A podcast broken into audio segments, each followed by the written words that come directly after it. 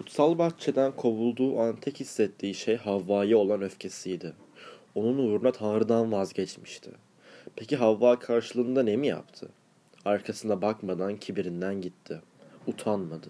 Oysa ilk günahın başlıca sebebi tamamen kendisiydi. Aynayı buldu Havva. Kendisini tatmin etmek için övgüler yağdırdı yansımasına. Kendi övgülerine, kendi yapmacık cevaplarını verdi. Adem ise hala onu seviyor gibiydi ve bunun sonunun iyi olmadığını görmek için Tanrı'dan duymaya gerek yoktu. Her şey pek, her şey oldukça netti. O sıra gökyüzünde yükselmeye başlayan ay üzgün bir şekilde Adem'e baktı. Adem hiç olmadığı kadar kırgın, kaybolmuş, boşluk doluydu. Kendi sesi kendi içinde hareket dahi edemiyordu. Konuştu ay. Neyin vardır böyle? Puslu geceler gibi kasvet dolusundur Adem. Bahçeden kovuldun diye bir daha giremez mi zannedersin kendini? Bu mudur kendine olan inancın? Kafasını kaldırdı Adem. Boğazı düğümlenmişti. Ne diyeceğini bilmiyordu. Ayın ışığı parlamaya başladı. Güneşten çaldığı ışık ile Adem'i aydınlatmaya çalıştı. Gözü kamaştı Adem'in. Bu kadar ışığın ona fazla geldiğini düşündü. Yapma ne olur ay. Hak etmem senin ışığını. Senden tek bir arzum vardır. Aydınlatır mısın Havva'nın yolunu? Kaybolmuştur kendisi. Kibirinden görmez olmuştur önünü arkasını. Işığını kısar ay. Her saniye daha kısık bir hale gelir. Bir süre sonra ışıksız kalır etraf. Karanlık kaplamıştır dünyayı. Korkar Havva. Adem yakarır. Lütfen. Lütfen ışıksız bırakma onu. Aydınlansın yolu. Uzun, uzansın bahçelere o güzel kokusu. Tanrı bile kendinden tereddüt etsin. Işık olmadan göremez kendisini aynada. Cevap alamazsa üzülür sonra. Arar çareye yılanda. Ay hiddetlenir. Düşünür müsün kendini Havva'yı düşündüğün kadar? Düşünür müsün kendini Havva meyveyi uzatırken neyin doğru olduğunu tartacak kadar? Kör olmuşsun Adem aşkında. Kör olmuşsun karşılığı olmayan sevgi tarafından. Yara bere olmuş üstün başın. Tanrı'yı bile düşünmez olmuşsun kaç gece. Değer mi tüm bu Havva?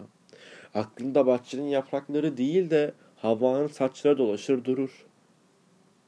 Adem aciz bakışlarıyla başını eğer. Bilir ayın doğru söylediğini. İnanmak istemese bile gerçekten kaçmaması gerektiğini öğrenmiştir bahçede. Bu Tanrı'nın ona öğrettiği ilk şeydir. Havva'ya bakar bir gözüyle Adem. Havva'nın vücudu kabuk tutmaya başlamıştır. O halde bile o halde bile kendisine övecek bir yan bulur Havva. Tanrı'nın onu kıskandığını bile düşündüğü olmuştur. Tanrı ise bunun olacağını bile bile sessizliğini korumuş, sadece yazdığı rolleri izler. Tanrı hep izler. Hep yaptığı zaten budur. Adem'i dinlemeye çalışmamıştır bile kendisi. Adem kara kara düşünürken bir şimşek çakar. Adem irkilir. Ay konuşamaz bir hale gelir. Ardından bir şimşek daha. Bir ses duyulur gökyüzünden. Oldukça kalın tonda olan bu ses başka bir lisan kullanır. Ait değildir bu lisan Adem'in dünyasına. Bir müddet sonra şimşekler durur ve gökyüzü temizlenir. Ayın ağzındaki bağ kopar. Konuşur ay. Ey Adem! Tanrıdır az önce seninle konuşan. Yasaklar seninle konuşmamı. Sınavın kendindir bundan sonra. Aittir bu topraklar sana ve senin olacak torunlarına. İyi bak onlara. Öğret onlara yaptın hataları ki yapmasın onlar. Çıkmasınlar karşı Tanrı'ya. Havva kendi halinde duracaktır bir müddet. Tanrı'nın cezası kibirdir ona. Kendi kibirinden yok olacaktır Havva. Sen dikkatli ol. Konuşma aynalarla. Yanıltır onlar seni. Dinle kendini. Dinle ki anla kendini.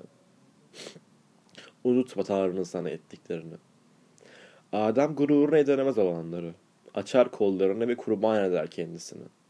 Ayı kendi kanıyla kaplar. İçindeki tüm duyguları kanına işlemiştir. Kırmızı akar kanı. Yediği meyvenin rengidir bu. Tanrı ise bunları hiç olmamış gibi Havva'yı da bir sözüyle yok eder ve koyar yerine başka bir Adem ile Havva. Senaryoyu başlar oynatır. Tanrı mıdır narsist olan yoksa insan mıdır hatalarından ders almayan? Asıl soru bunlar hepsinden ötedir. Nasıl sevmelidir insan?